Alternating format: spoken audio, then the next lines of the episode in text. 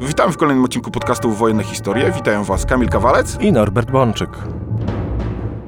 Druga wojna światowa była największym oraz najkrwawszym konfliktem w dziejach. Na bazie wielu lat własnych badań naukowych, wertowania tysięcy stron zarchiwizowanych meldunków wojskowych, wreszcie publikowania książek i artykułów, staramy się przybliżać szereg zagadnień związanych z tą okrutną wojną, a także obalać wiele mitów. Jeżeli podoba się Wam nasz podcast, możecie wesprzeć nas wpłatą w serwisie Patronate pod adresem patronate łamane na podcast Wojenne Historie. Albo kupić nam symboliczną kawę w serwisie Buy Coffee łamane na podcast Wojenne Historie. Norbert, porozmawiamy dzisiaj o Tygrysie Królewskim. Czołgu, który obrósł legendą, stał się symbolem niemieckiej potęgi pancernej, jeżeli mogę tak powiedzieć. Chciałem cię dzisiaj zapytać w takim razie, czy ta legenda jest zasłużona? Czy ten czołg faktycznie był wartościowym środkiem walki? Czy może jednak był po prostu nieudaną konstrukcją i tak naprawdę swoistym pancernym bublem? Gdzie leży prawda o tym czołgu? Mogę powiedzieć na początku, Kamilu, że to dosyć odważna teza, że czołg Tiger 2, Tygrys 2 obróz legendą.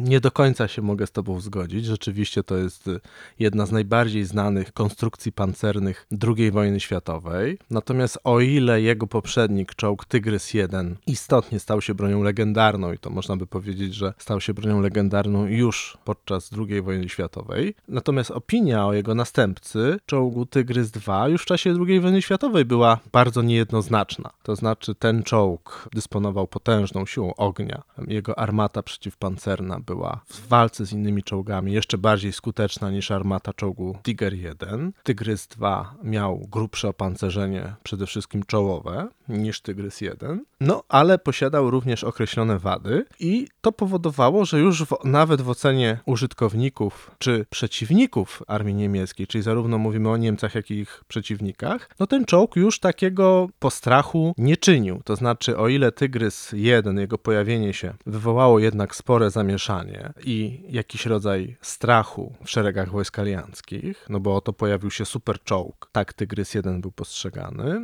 o tyle kiedy w roku 1944 na polu walki zadebiutował czołg Tygrys 2, no to mimo pewnych nowinek technicznych, jakie ze sobą niósł, on już takiego wrażenia nie zrobił. I również nie zrobił wrażenia na samych Niemcach, to znaczy czołg Tygrys 2 w propagandzie czasem nazywany Tygrysem Królewskim, ale to nigdy nie była oficjalna nazwa. To był po prostu czołg Tiger 2, Tygrys 2, a formalnie to był Tygrys Aus B, czyli to po prostu była wersja B czołgu Tygrys. Oznaczenie kodowe SDKFZ 182. No i ten czołg, który pojawił się w roku 1944, on już nie obrósł legendą i to z paru powodów. Po pierwsze, nie obrósł legendą, bo spóźnił się na pole walki. Debiut tych czołgów to jest lato 1944 roku Normandia. Na froncie wschodnim one debiutują w sierpniu 1944 roku. To nie są udane debiuty, zwłaszcza na froncie wschodnim w Polsce, w okolicach Staszowa. Te czołgi używane były w walce tylko przez kilka miesięcy i to tych ostatnich miesięcy czasów klęsk Rzeszy Niemieckiej i Wehrmachtu. No więc jakby no nie mogły te czołgi wykazać zbytnio swoich walorów bojowych. No i nie za bardzo ten czołg obrósł legendą, ponieważ no stwierdzono od razu, że posiada określone wady częściowo konstrukcyjne, częściowo związane z problemami z produkcją, jaka wówczas już dotykała niemieckie zakłady przemysłowe. No i to nie był czołg, który się e, sprawdził. To był czołg, który zawodził, to był czołg, który, jak to mówili czasami niemieccy czołgiści, męczył się. To znaczy czołg był pozbawiony właściwej dynamiki. W połączeniu trzech cech, czyli siły ognia, opancerzenia i manewrowości, najsłabszym ogniwem w czołgu Tiger 2 była właśnie manewrowość, na pierwszym miejscu była potężna siła ognia, aczkolwiek siła ognia dedykowana przede wszystkim zwalczaniu broni pancernej przeciwnika, a nie uniwersalności, znaczy armata 88 mm, ponad 6-metrowa KWK, którą ten czołg posiadał. Ona była doskonałą armatą przeciwpancerną, była odmianą armaty przeciwpancernej e, KWK łamany przez PAK, no w zależności czy holowana, czy samobieżna armata przeciwpancerna. PAK 43 to było działo firmy Krupp, opracowane w latach 42-44 43, zdolne do wystrzeliwania pocisków z potężną prędkością ponad 1000 metrów na sekundę w momencie, kiedy pocisk opuszczał lufę. W związku z czym ten pocisk poruszał się z olbrzymią prędkością i to wpływało na jego bardzo dobre właściwości penetracyjne pancerza, na który natrafił. Natomiast nie była ta armata zdolna do jakichś spektakularnych niszczeń obszarowych czy silnie ufortyfikowanych obiektów, no bo jednak materiał wybuchowy w pociskach odłamkowo-burzących, no było go mniej niż przypadku pocisków do haubic czy armat powyżej 100 mm. No pancerz gruby, grubszy niż Tygrysie, bo tutaj mówimy już o 150 mm na przedzie kadłuba, 180 mm na przedzie wieży, czyli to są wartości wyraźnie wyższe o 50-80% w stosunku do czołgu Tiger 1. No ale ta manewrowość no, była gorsza od czołgu Tygrys 1 ze względu też na wzrost masy, bo Tygrys 1 ważył 56 ton, a Tygrys 2 już 68 ton, a miały ten sam silnik i ten sam układ przeniesienia napędu. W takim razie po co Niemcom była ta konstrukcja? Dlaczego oni sobie go wymyślili? Tygrys 2 to był czołg stworzony z oczekiwań Hitlera i z szoku roku 1941, kiedy pojawiły się czołgi KW i T-34. To znaczy, Niemcy dosyć długo przed II wojną światową i w początkowym okresie II wojny światowej, dosyć długo i dosyć powoli projektowali swoje czołgi ciężkie. No nie śpieszyło im się, one dla ich doktryny prowadzenia wojny manewrowej nie były istotne. To znaczy czołgi miały być bronią dywizji pancernych, więc to preferowano czołgi średnie, a nie ciężkie, a piechota miała używać do bezpośredniego wsparcia dział szturmowych. No i to powodowało, że czołgi ciężkie w Wehrmachcie nie odgrywały istotnej roli do roku 1941. No ale prowadzono pracę właśnie nad kolejnymi jakby pojazdami tejże klasy. To w roku 1941 zaowocowało ostatecznie powstaniem projektów czołgu VK-45, czyli tych czołgów ciężkich teoretycznie 45-tonowych, z których w roku 1942 powstał czy to Tygrys firmy Henschel, czy Tygrys firmy Porsche. No bo tak się złożyło, że tymi czołgami ciężkimi zajmowały się w pewnym momencie te dwie firmy, to znaczy właśnie Porsche i Henschel, przy czym Henschel to była potężna firma związana z produkcją e, maszyn w Niemczech, natomiast Porsche to była raczej taka firma bardziej konstrukcyjna, którą jakby kierował Ferdynand Porsche, a podzespoły do tych czołgów Henschla i Porsche produkowali potentaci w zakresie na przykład broni, czyli na przykład firma Krupp lub firma Rheinmetall. No i tak się złożyło w roku 1941, że Henschel projektował swój czołg ciężki, współpracując z Rheinmetallem, natomiast Porsche współpracował z firmą Krupp. I w maju 1941 roku Hitler ostatecznie zdecydował, że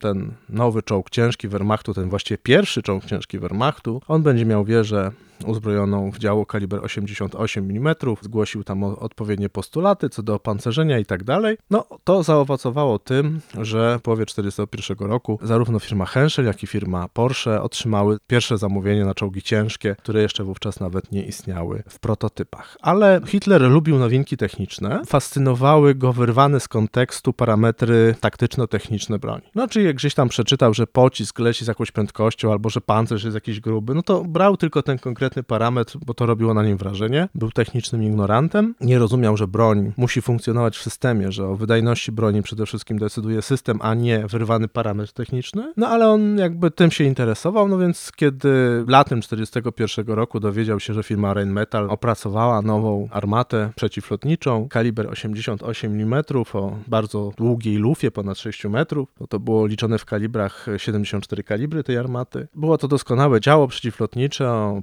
potężnej mocy, o parametrach znacznie lepszych niż armata Krupa przeciwlotnicza, ten sławny Flak 1836, który był tym standardowym działem przeciwlotniczym w Wehrmachcie, a który został wcześniej przez tego Hitlera wskazany również jako uzbrojenie dla czołgu ciężkiego. Tego czołgu ciężkiego, które potem będzie tym Tygrysem 1, tak? Bo Tygrys 1 miał wieżę firmy Krupp, zaprojektowaną dla Porsche z armatą Kruppa 88 mm, opartą właśnie na armacie przeciwlotniczej Flak 1836 o długości lufy kalibrów 56. No i to był ten Tygrys 1, ale Hitler już latem 1941 roku, kiedy przeczytał, jaką armatę projektuje Rheinmetall, już nie 56 kalibrów, a 74 kalibry, czy jeszcze dłuższą, jeszcze potężniejszą armatę, no to stwierdził, że to jest świetne działo, nie tylko przeciwlotnicze, ale ono również może pełnić funkcję przeciwpancerną. I zażądał zmiany parametru uzbrojenia czołgu. Czyli już nie chciał armaty Krupa pierwotnej 88 mm, tylko chciał jeszcze potężniejszą armatę Rheinmetalla o jeszcze dłuższej lufie przy zachowaniu tego samego kalibru. No, okazało się jesienią 1941 roku, że nie da się nowej armaty włożyć w wieżę dla czołgów już projektowanych. To znaczy ani wieża Krupa dla armaty 88 mm, ani konkurencyjna wieża Rheinmetalla dla ich armaty, z kolei kaliber 75 mm, tej co potem trafi na Panterę. No, żadna z tych wież nie przyjmie takiego działa, bo ono było po prostu wielkie. To wymagało przeprojektowania wieży czołgu. No więc Hitler, żeby nie opóźniać po raz kolejny programu czołgu ciężkiego, no to zgodził się, żeby na początku do produkcji wszedł ten tygrys uzbrojony w tą armatę Krupa, tą krótszą, tak nazwijmy ją krótszą, uniwersalną armatę przeciwlotniczą, teraz o funkcji armaty czołgowej, ale po wykonaniu niewielkiej serii tylko 100 sztuk czołgów, tych tygrysów, jakie dzisiaj de facto znamy, tygrysów 1, ten czołg ma zostać zastąpiony inną konstrukcją, znaczy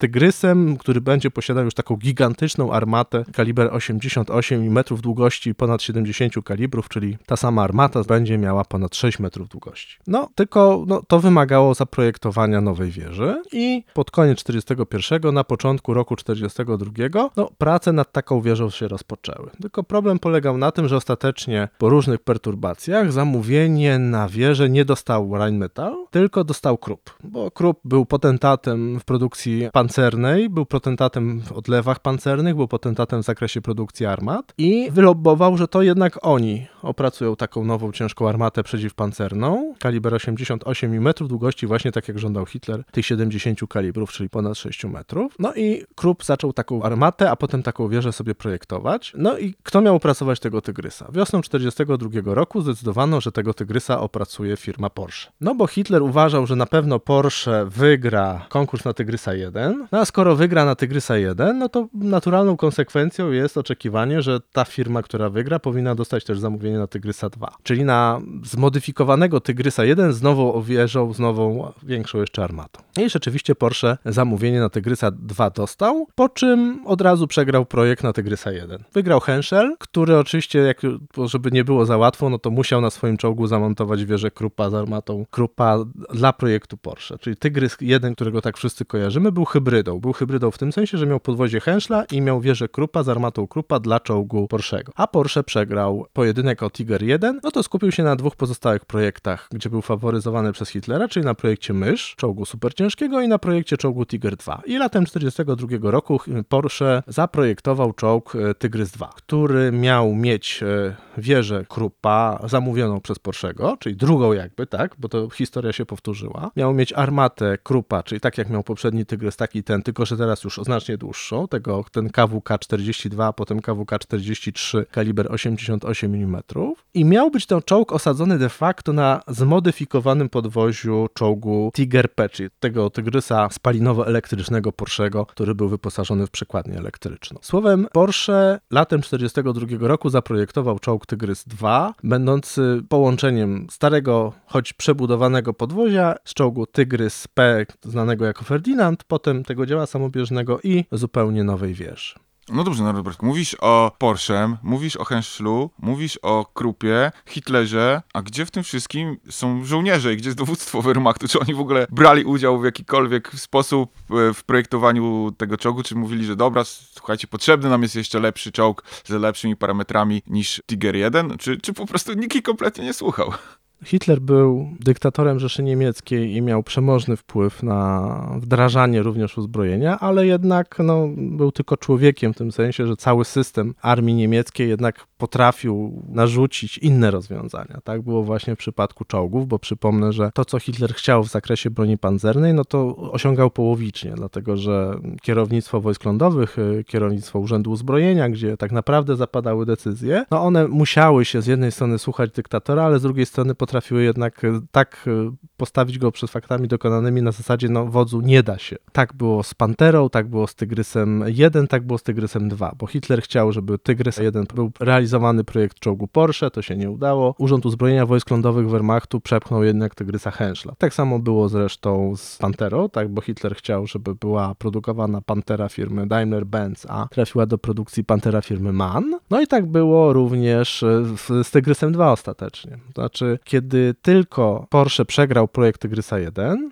to w Urzędzie Uzbrojenia zaczęto podchody, żeby pozbawić go też czołgu Tygrys 2. Dlatego, że no, skoro przegrał Tygrysa 1, a dostał Tygrysa 2 tylko dlatego, że sądzono, że wygra Tygrysa 1, no to skoro jednak go przegrał, no to zaczęto robić podchody, żeby jednak usunąć go również z projektu czołgu Tygrys 2. To trwało dosyć długo, bo to trwało aż do października 1942 roku, czyli Niemcy powoli, powoli w tym czasie zaczęli wdrażać czołg Tygrys 1, tak, no bo prototypy to jest kwiecień 1942, a produkcja seryjna Tygrysa 1 to początek produkcji to jest sierpień 1942 roku. Kiedy ta produkcja seryjna się rozkręcała tego niby przejściowego czołgu, jakim był Tygrys 1, bo to przypomnę miał być czołg przejściowy, no to projektował tego Tygrysa 2 tylko Porsche. Porsche, no i oczywiście Krupp, tak, no bo mówimy, że Porsche projektował czołg. Porsche projektował podwozie czołgu, wieże i uzbrojenie projektowała firma Krupp. I jeszcze tutaj jedna taka uwaga do tego projektowania, o której wspomniałem o Hitlerze. Czym miał się jeszcze Tygrys 2 według pierwotnego projektu różnić od czołgu Tygrys 1? Otóż w roku 1941 jesienią Hitler pod wrażeniem działa Rheinmetalla nakazał zamontowanie w docelowym Tygrysie już nie tego 56-kalibrowego działa, tylko tego 70-kalibrowego działa. A potem, kiedy na front wschodni przyjechała komisja do spraw czołgów i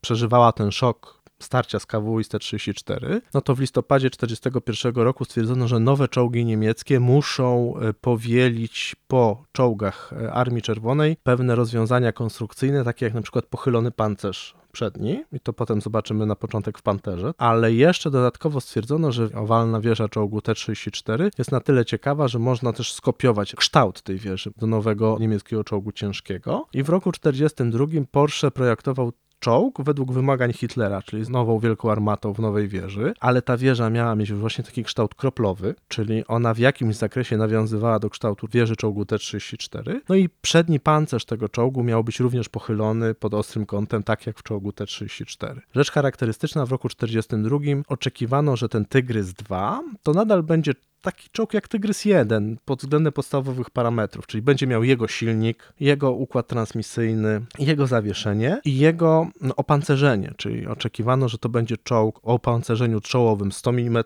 czyli 10 cm pancerza i opancerzeniu bocznym 8 cm, 80 mm. Czyli te, de facto ten Tygrys 2, no to miał być taki ewolucyjny projekt przechodzący z Tygrysa 1, gdzie agregaty wewnętrzne byłyby takie same. Grubość opancerzenia byłaby taka sama. Różnica dotyczyła przede wszystkim nowego uzbrojenia, nowej wieży inaczej pochylonego pancerza. No ale latem 1942 roku sobie w wojskach lądowych w Rzeszy zdano sprawę, że to tak nie wyjdzie. To znaczy, że, no, że ten Porsche to no, znowu projektuje czołg spalinowo-elektryczny. Czyli on się niczego nie nauczył, jest wierny swoim zasadom, że to będzie de facto taka kolejna lokomotywa na gąsienicach, to znaczy z przekładnią elektryczną w środku, która będzie generowała olbrzymie zapotrzebowanie na rzadkie metale. No będzie trudna w obsłudze obsłudze i dosyć podatna na awarie. No i stwierdzono, że Porsche nie. I w jesienią 1942 roku skasowano projekt czołgu Tygrys 2. No i można by powiedzieć, że w tym momencie historia czołgu Tygrys 2 powinna się zakończyć, ale się nie zakończyła, no bo jak tylko skasowano projekt czołgu Tygrys 2 Porschego, no to na scenę ponownie wkroczyła firma Henschel, która miała bardzo dobre kontakty w Urzędzie Wojsk Lądowych i miała czołg, który właśnie wchodził do produkcji. W Kassel produkowano już seryjnie czołgi Tygrys 1. Według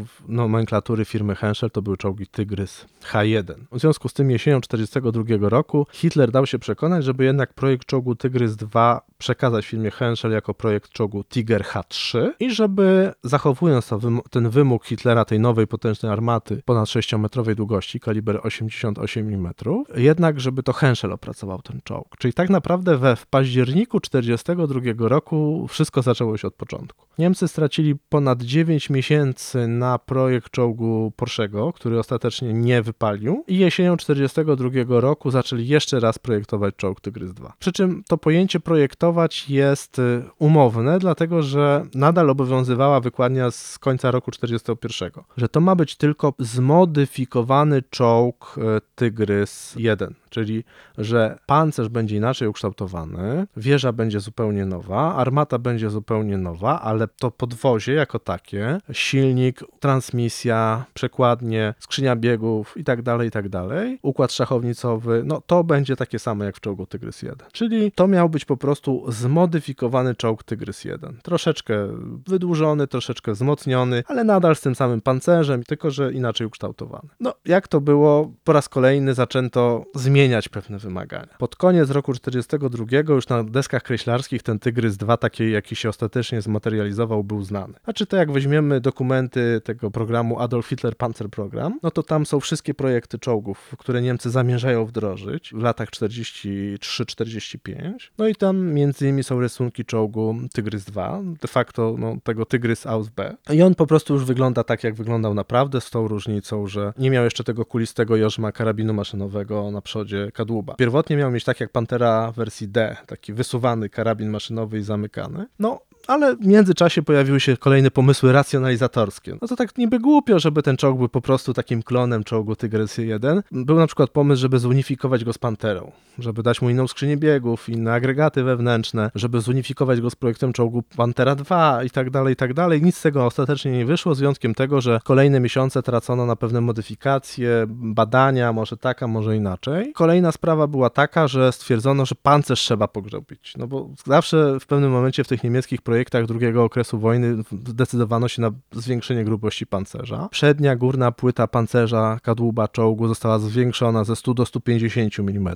No to jest dosyć, dosyć duże wzmocnienie. I stwierdzono, że wieża projektowana przez Krupa dla czołgu Tygrys 2, a którą to przypomnę, wieżę zamówił Porsche, ona nie spełnia już wymagań. To znaczy, że ona będzie za słaba, będzie zbyt słabo opancerzona i że jej profilowanie, takie jak zaprojektował pierwotnie Krupp, nie będzie gwarantowało odpowiedniej ochrony balistycznej. I znów nakazano zmodyfikować wieżę, de facto przeprojektować ją, dać 180 mm pancerza z przodu zamiast 100, bok y, zachowano 80 mm, przedłużające się prace nad wieżą, te przedłużające się zagadnienia, jaki układ transmisyjny zamontować w Tygrysie 2, to wszystko zaczęło opóźniać ten program. A latem 1943 roku na zagłębie rury zaczęły się dosyć intensywnie sypać bomby z alianckich bombowców, co jeszcze bardziej wydłużyło ten projekt. Efekt był taki, że dopiero jesienią 1943 roku ukończono pierwszy prototyp czołgu Tygrys 2, a do końca roku 1943 wykonano trzy prototypy tych czołgów. Czyli program notował wciąż kolejne opóźnienia. Niemcy planowali, że na początku roku 1944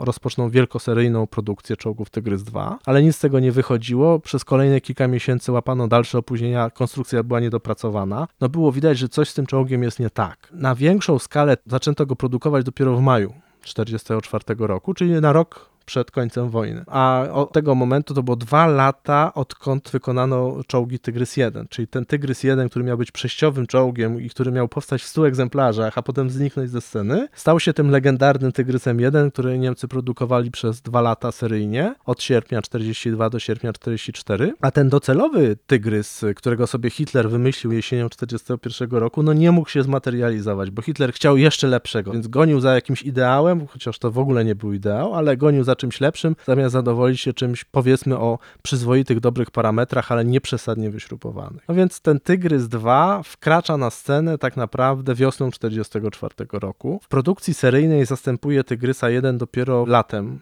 Ostatnie Tygrysy 1 to jest sierpień 44 i sierpień 1944 roku to jest szczytowa produkcja czołgów też Tygrys 2. Niemcy pierwotnie planowali, że będą produkowali po 50 miesięcznie tych czołgów, potem, że po 100. Przypomnę, że w tym czasie w Związku Radzieckim czołg IS-2 był produkowany stopniowo, ta produkcja rosła do 250 egzemplarzy miesięcznie, no ale Niemcy planowali, że będą produkować 100, potem od września 1944 roku chcieli nawet produkować 120 Tygrysów 2 miesięcznie, no ale to wszystko się załamało we wrześniu i październiku 1944 roku. Od 22 do 29 września na Kassel trzy potężne naloty bombowe lotnictwa aliantów, w październiku jeszcze dwa i jeszcze jeden w marcu. Efekt jest taki, że po prostu sparaliżowano całkowicie produkcję tego czołgu przez naloty bombowe, czyli Niemcy planowali od września 44 do marca 45 wyprodukować ponad 900 czołgów Tygrys 2. Wyprodukowali w tym czasie niespełna 300. No po prostu dzięki nalotom strategicznym, dzięki bombowcom alianckim wyprodukowali 30% tego, co planowali. Czyli 70% Tygrysów 2 nie powstała w tym czasie i nie weszła do walki, bo amerykańskie i brytyjskie bombowce po prostu na to nie pozwoliły ale te 30% pojawiło się na polu walki. Tak jak mówiłeś, niedopracowanych w wielu aspektach i tak jak powiedziałeś na samym wstępie naszej rozmowy, zarówno na froncie wschodnim, jak i na froncie zachodnim, jego debiut był wyjątkowo nieudane. Nie wyszło to, można tak powiedzieć, ani tu, ani tu, czyli ani na wschodzie, ani na zachodzie. Z czego to wynikało? Można powiedzieć, że debiut czołgów Tygrys 2 na polu walki w ogóle był mało spektakularny, bo one pierwszy raz zaczęły walczyć w Normandii w lipcu 1944 roku, no i specjalnie jakoś nikt ich tam nie zauważył. Pojawiły się w ramach jednego z batalionów czołgów ciężkich wojsk lądowych, potem stopniowo pojawiały się jeszcze inne. Można by powiedzieć, że w tym gigantycznym tyglu działań wojennych, jakim była Normandia, nie zostały specjalnie zauważone. Dopiero kiedy zostały zniszczone i znalezione na polu walki albo porzucane w czasie odwrotu, no to alianci się zainteresowali i stwierdzili, o, tutaj nieprzyjaciel ma zupełnie nowy czołg ciężki. Są takie bardzo znane zdjęcia generała Eisenhowera, czyli głównodowodzącego wojsk alianckich w Normandii, który właśnie przechadza się koło takiego kompletnie wywróconego kołami do góry czołgu Tiger 2, który został wysadzony w powietrze. No więc te czołgi przy tej masie broni z obu stron, no walczyło ich tam w pewnym momencie kilkanaście, potem kilkadziesiąt, no specjalnie niczym szczególnym się w wymiarze operacyjnym zapisać nie mogły. Większą klapę te czołgi natomiast zanotowały na froncie wschodnim, dlatego że w sierpniu 1944 roku Niemcy starali się zlikwidować przyczółek wojsk pierwszego frontu ukraińskiego, ten przyczółek baranowsko-sandomierski. No i tam do walki wszedł 501 batalion czołgów ciężkich z Wehrmachtu. On zadebiutował tam, wspierał działania 16 Dywizji Pancernej w rejonie Szydłów, Oględów, Staszów w trakcie prób zatrzymania, de facto likwidacji przyczółka Armii Czerwonej. No to się kompletnie nie udało, ponieważ te czołgi raz, że były źle używane, jeśli chodzi o taktykę walki, dwa, że one wychodziły w zasadzki i się okazało, no że jasne, pancerz czołowy 150-180 mm to już jest nowa wartość. Teoretycznie od czoła taki pancerz nie powinien być przebity nawet przez armatę czołgu IS-2, czyli przez tą 122 mm. No ale po pierwsze się okazywało, że przede wszystkim najważniejsza jest taktyka walki, czyli jeżeli one wchodzą w zasadzkę i odsłaniają boczny pancerz, to jest 80 mm. Ok, troszkę inaczej ukształtowany, bardziej może pochyły niż w czołgach Tygrys 1, ale to jest nadal 80 mm. Ta wartość przeliczeniowa nie była tutaj jakoś specjalnie duża i no, pancerz boczny był skutecznie penetrowany przez armaty czołgowe czołgów radzieckich, przez armaty przeciwpancerne. Bardzo poważnym błędem było też magazynowanie amunicji w wieży w przypadku tego czołgu. No to wszystko skutkowało tym, że one się okazywały relatywnie, może nie łatwe do zniszczenia, natomiast no, poniosły duże straty w walkach z bronią pancerną i przeciwpancerną przeciwnika. Mało tego, Rosjanie w wyniku kontrataku zdobyli kilka tych czołgów w stanie nienaruszonym, czyli zdolnym do jazdy, ponieważ ich załogi opuściły je i, i Rosjanie po prostu w kontrataku zdobyli te czołgi, kiedy załogi były w ogóle poza pojazdami. 501 batalion no, nie odniósł sukcesu w walkach pod Staszowem, stracił kilka tygrysów, te tygrysy zostały odholowane na tyły i wywiezione do Związku Radzieckiego na testy i tam się okazało, że oprócz tego, że te czołgi nie mają jakichś super parametrów, no to jeszcze się okazało, że no Niemcy mają coraz większy problem z produkowaniem czołgów. To znaczy się okazało, że to już nie jest ta jakość, co w roku 42. Znaczy jak wzięli Rosjanie w 43 przebadali Tygrysa 1, takie produkcji z, jeszcze z roku 42, no to stwierdzili, że świetna stal Kruppa, no doskonałe spawy, no po prostu czołg bestia. A jak jesienią 44 roku zaczęli badać tego Tygrysa 2, to stwierdzili, że to już nie to samo. Zresztą tu można przytoczyć taki fragment raportu, konkluzję z badań Komisji Radzieckiej na temat tego, no, gdzie był problem jakby z czołgiem Tygrys 2, kiedy oni go zaczęli badać. To posłużę się cytatem z radzieckich badań. Jakość pancerza czołgu Tygrys B w porównaniu do jakości pancerza czołgów Tygrys H, Pantera i działa samobieżnego Ferdynand znacząco pogorszyła się. W pancerzu czołgu Tygrys B po pojedynczych trafieniach pojawiają się pęknięcia i odpryski. Po trafieniach wielokrotnych, czyli 3-4 pociski w punkt, w pancerzu powstają odpryski i głębokie pęknięcia na dużej powierzchni. Punkt drugi. Charakterystyczna dla wszystkich elementów kadłuba i wieży jest słabość połączeń spawanych. Pomimo wysokiej jakości wykonania, szwy pancerza podczas ostrzału zachowują się znacznie gorzej niż miało to miejsce w analogicznych konstrukcjach czołgów Tygrys H, Pantera i działa samowieżnego Ferdynand. O Panterze to mówimy o badaniach tej wczesnej Pantery z roku 1943. Punkt trzeci. W pancerzu czołowym czołgu, którego grubość waha się od 100 do 190 mm, przy uderzeniu 3-4 pocisków przeciwpancernych lub odłamkowo burzących systemów artyleryjskich kalibru 152, 122 i 100 mm z odległości 500-1000 metrów powstają pęknięcia, odpryski i rozerwanie połączeń spawanych, pociągające za sobą uszkodzenia układu przeniesienia napędu i bezpowrotne wyjście czołgu z linii. Tutaj chodzi o to, że nawet jeżeli nie było penetracji, jeżeli pancerz wytrzymał uderzenie pocisku, no to ten pocisk zdemolował ten pancerz w ten sposób, że pancerz puścił na spawach, czyli nie było przebicia, ale i tak kadłub czołgu się po prostu rozpadł albo popękał, no, co powodowało, że no, czołg rzeczywiście nie nadawał się już do dalszej służby. Punkt czwarty. Pociski przeciwpancerne armat BS-3 100 mm i A-19 122 mm powodują przebicia na wylot przy uderzeniach w krawędź lub styk czołowych płyt czołgu Tygrys B przy odległościach strzelania 500-600 metrów. Punkt 5. Pociski przeciwpancerne armat BS-3 i A-19 powodują przebicia na wylot czołowej płyty wieży czołgu Tygrys B przy odległościach strzelania 1000-1500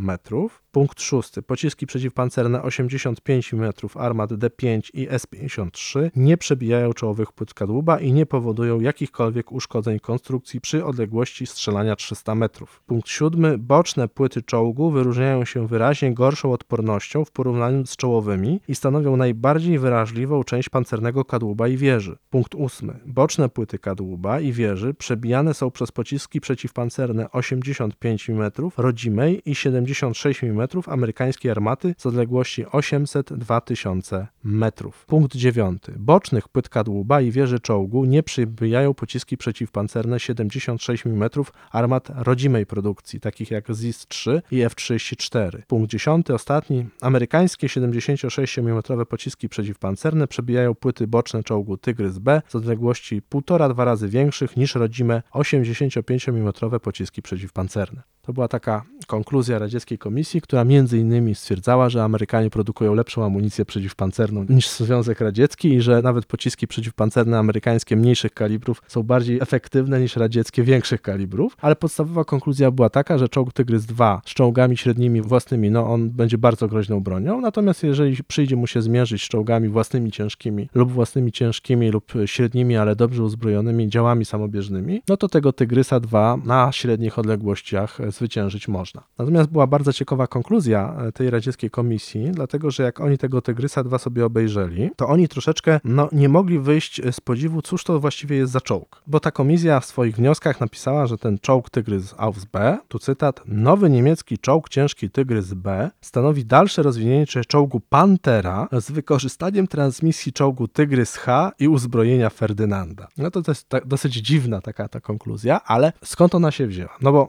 wizualnie Tygrys 2 mógł przypominać trochę Panterę ze względu na pochyły pancerz czołowy, czy na zastosowanie układu szachownicowego. No aczkolwiek, no wiadomo, że jak zauważyli sami Rosjanie, no wykorzystano transmisję czołgu Tygrys H. Tak naprawdę no to było, nadal to był kadłub i e, silnik, transmisja tego czołgu mm, Tygrys 1. Uzbrojenie Ferdynanda, no rzeczywiście to się zgadza, to znaczy no czołg Tygrys 2 miał armatę KWK-43, która była odmianą czołgową tej samej armaty, którą miały jak Panther, Szerszeń, właśnie Ferdynand, czyli Ferdynand miał tego Paka 43, to było to samo co ten KWK 43, więc rzeczywiście to było uzbrojenie Ferdynanda, to była transmisja czołgu H, to, ale Tygrys B nie stanowił rozwinięcia czołgu Pantera, to znaczy e, z czołgiem Pantera akurat Tygrys 2 miał jak najmniej wspólnego. Natomiast rzeczywiście Rosjanie doszli do wniosku, że oto w roku 1944 spodziewali się, że Niemcy wprowadzą zupełnie nowy czołg, który będzie się odznaczał nowymi rozwiązaniami. A okazało się, że ten Tygrys 2 to tak naprawdę po pierwsze ma uzbrojenie bardzo groźne, ale oni, to znaczy Rosjanie, już poznali to uzbrojenie pod Kurskiem, czyli ponad rok wcześniej. Czyli ta armata, mimo że jest bardzo groźna, nie stanowi żadnej nowości, ponieważ to jest armata, którą Niemcy stosują już od roku. Podwozie też spodziewali się, że to będzie nowy czołg, a okazuje się, że to jest stary Tygrys, tylko nowy stary Tygrys z nową wieżą, z nową armatą, ale ze starą transmisją. No i że ma grubsze opancerzenie, inaczej ukształtowane, ale w gruncie rzeczy to nie jest nowy czołg. No i rzeczywiście coś w tym było, dlatego że tak jak powiedziałem, ten czołg ewolucyjnie powstawał od jesieni 1941 roku. Jego podstawowe założenia taktyczno-techniczne wykrystalizowały się już pod koniec roku 1942. I tak naprawdę ten czołg, gdyby wszedł do walki w roku 1943, to można by powiedzieć, że byłby jakąś nowością. Natomiast on się spóźnił znacząco na pole walki. No i w roku 1944 wszystko, co w tym czołgu było,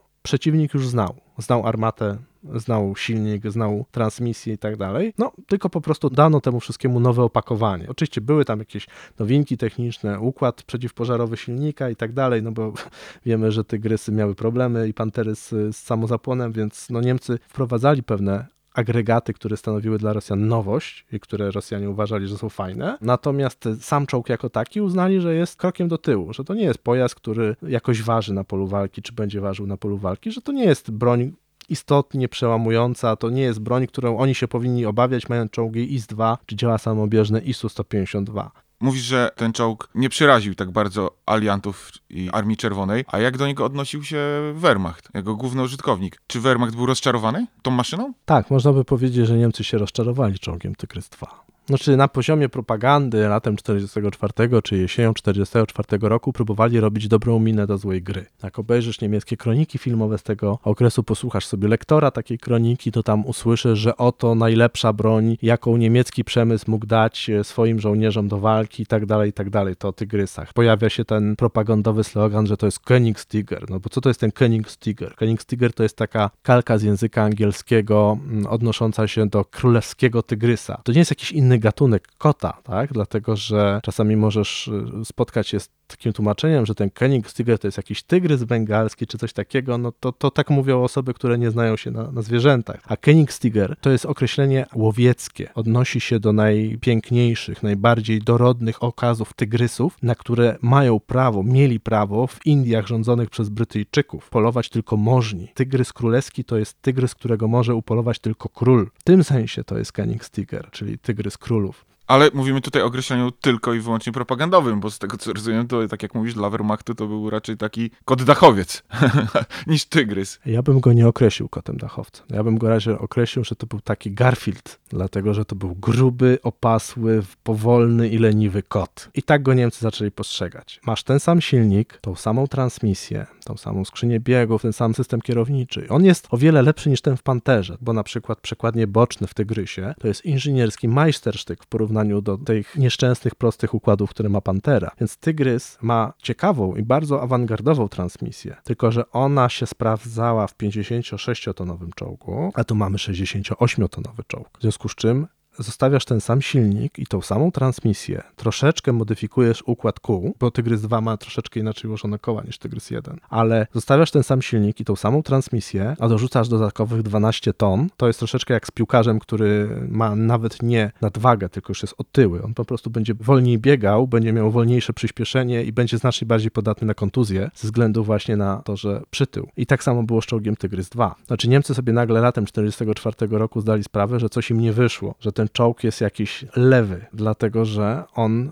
był po prostu powolny, on się powoli rozpędzał. Przede wszystkim awarie wynikały z tego, jeżeli ten czołg musiał pokonywać trudny teren czyli cała transmisja musiała pracować na wysokich obrotach i to powodowało, że czołg się zaczynał psuć. Ja już pomijam oczywiście takie typowe dla tego silnika y, Maybacha, który ten czołg miał problemy na przykład z samozapłonem, tak, z pompą, no bo w czasie szkolenia też parę tygrysów dwa się spaliło bez kontaktu z wrogiem. No ale to można powiedzieć, że to już norma. Natomiast no problemem było jednak to, że te czołgi były strasznie powolne i nie nadawały się do walk manewrowych. Potężna armata, super, natomiast no czołg musi być y, narzędziem manewru i ten czołg w większych ilościach pojawił pojawił się jesienią 1944 roku w Wehrmachcie. No i tak był problem, co właściwie z tym czołgiem zrobić. On oczywiście trafiał do batalionów samodzielnych, no ale Niemcy szykowali wtedy ofensywę w Ardenach jesienią 1944 roku. Odtwarzali z trudem swoje dywizje pancerne, no i między innymi pojawiła się koncepcja, żeby te tygrysy włączyć do dywizji uderzeniowych w ofensywie w Ardenach. Między innymi batalion takich czołgów przydzielić z braku innych czołgów pierwszej dywizji pancernej Leibstandarte SS Adolf Hitler. No i pojawił się problem, czy my chcemy te tygrysy, czy my ich nie chcemy. No oczywiście no, były produkty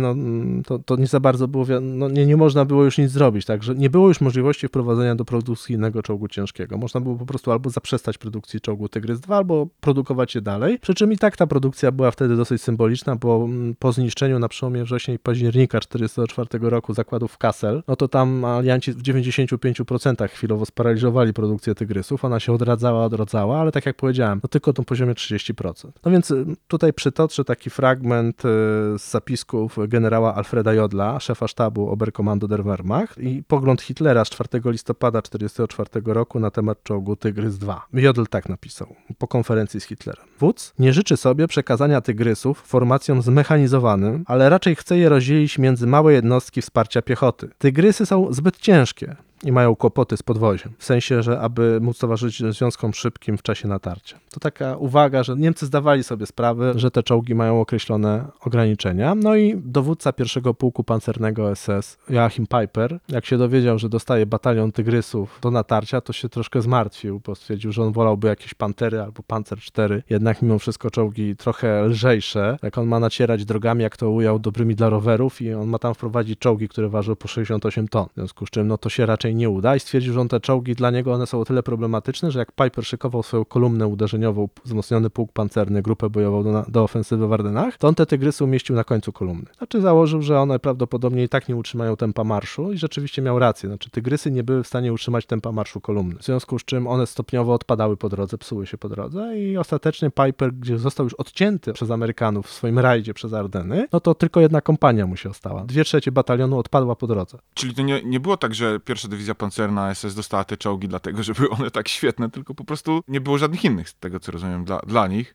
Pierwsza dywizja pancerna SS dostała w Ardenach 501 batalion czołgów ciężkich SS, dołączony do pułku tylko dlatego, że ze względu na chaos organizacyjny w armii niemieckiej nie udało się odtworzyć w pełni pułku pancernego złożonego z batalionu Panther i z batalionu Panzer 4. Piper w swoim pułku miał tylko jeden normalny batalion czołgów, który był mieszanką. Miał dwie kompanie Panther i dwie kompanie Panzer 4. W ogóle nie dostał drugiego batalionu czołgów. Nie został on odtworzony. W związku z tym, że nie dostał drugiego batalionu czołgów, to przydzielono mu batalion Tygrysów jako drugi batalion w pułku pancernym, ale to był jednocześnie korpuśny 501 batalion czołgów ciężkich SS. To wynikało z tego, że Niemcy mieli czołgi. Gdyby ich system zarządzania odtwarzaniem jednostek prawidłowo pracował, to Piper dostałby i cały batalion Panzer 4 i pełny batalion Panther. Tylko problem polegał na tym, że kwatermistrzostwo centralne nie wiedziało, że będzie ofensywa w Ardenach, w związku z czym nie miało priorytetyzacji w przydzielaniu czołgów tym dywizjom, które miały pójść do ofensywy w Ardenach, bo nie wiedziało o tym, że będzie taka ofensywa. A skoro nie wiedziało, że będzie taka ofensywa, to Piper nie dostał Panther i Panzer 4, dostał, dostał batalion Tygrysu. Czyli chcesz powiedzieć, że ten charakterystyczny taki niemiecki troszkę chaos w tym niemieckim porządku, który panował przez całą wojnę już na przełomie 44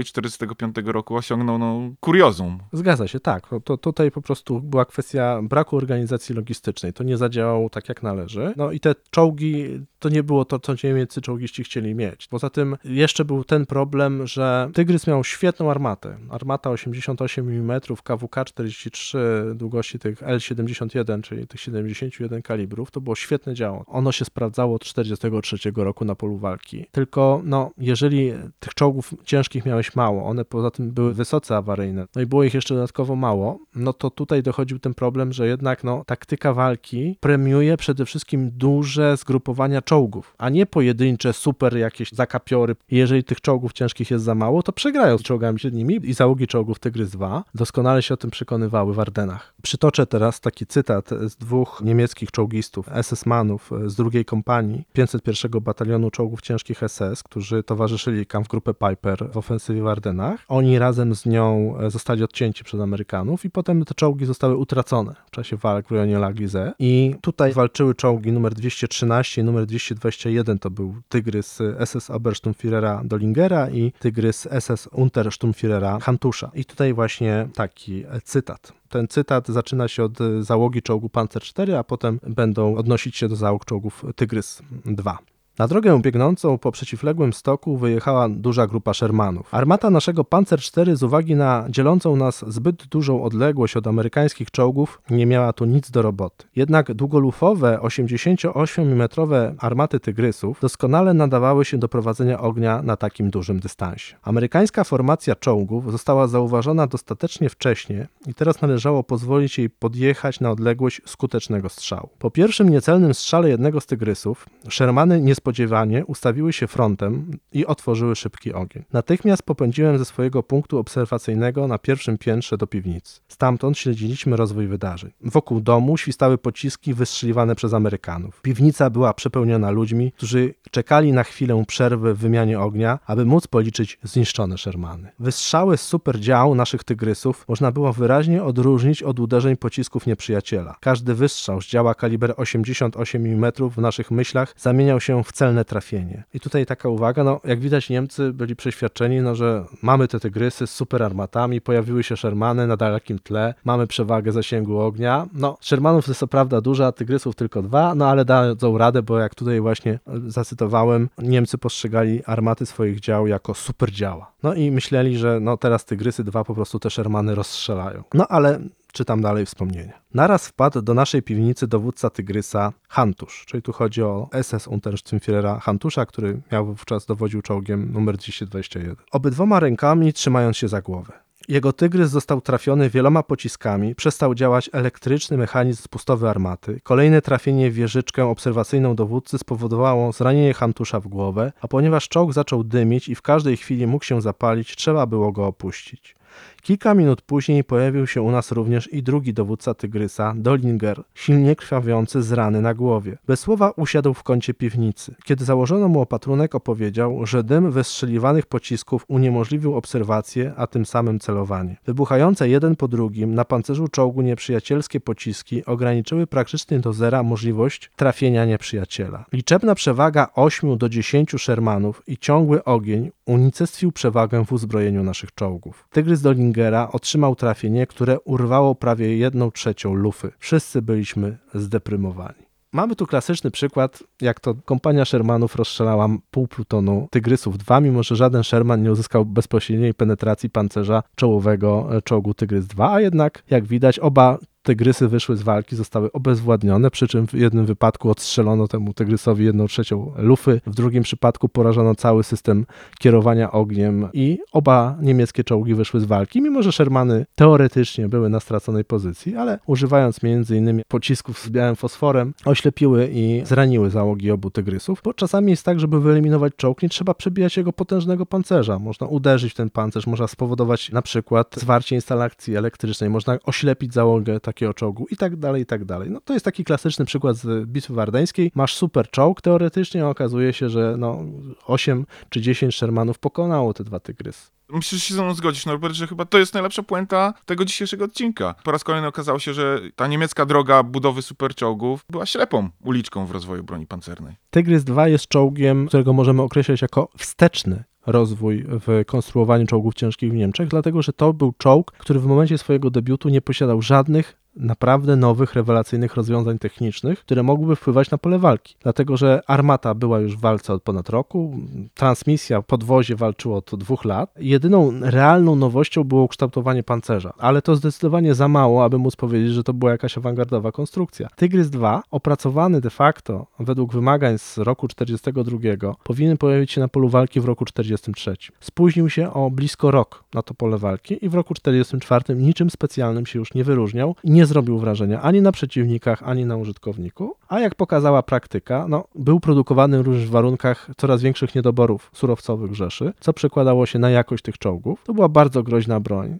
dzięki doskonałej armacie, ale tych czołgów było za mało i były zbyt awaryjne. To tylko pogłębiało niewielką dostępność na polu walki, żeby mogły odegrać jakąś istotną rolę w, w bitwie w wymiarze operacyjnym, ponieważ jednak ilość czołgów, jakie możesz zastosować na polu walki, też jest bardzo ważna. A w roku 44 czy 45, no, obrona przeciwpancerna, czy aliancka, czy Armii Czerwonej były naprawdę doskonale przygotowane do walki nawet z takimi czołgami jak Tygrys 2. Tygrys 2 ważył 68 ton. To powodowało określone problemy, zarówno logistyczne, no bo większość mostów europejskich nie była w stanie utrzymać tego czołgu, ale kiedy sobie uświadomimy, jak ciężki to był czołg. Jego pusty kadłub, bez silnika, bez skrzyni biegów, bez żadnych agregatów wewnętrznych, sam kadłub tego czołgu ważył 28 ton. Czyli sam kadłub czołgu Tygrys 2 był niewiele lżejszy niż gotowy do walki czołg T-34. Dziękuję Ci zatem za ten odcinek i do usłyszenia. Dziękuję bardzo.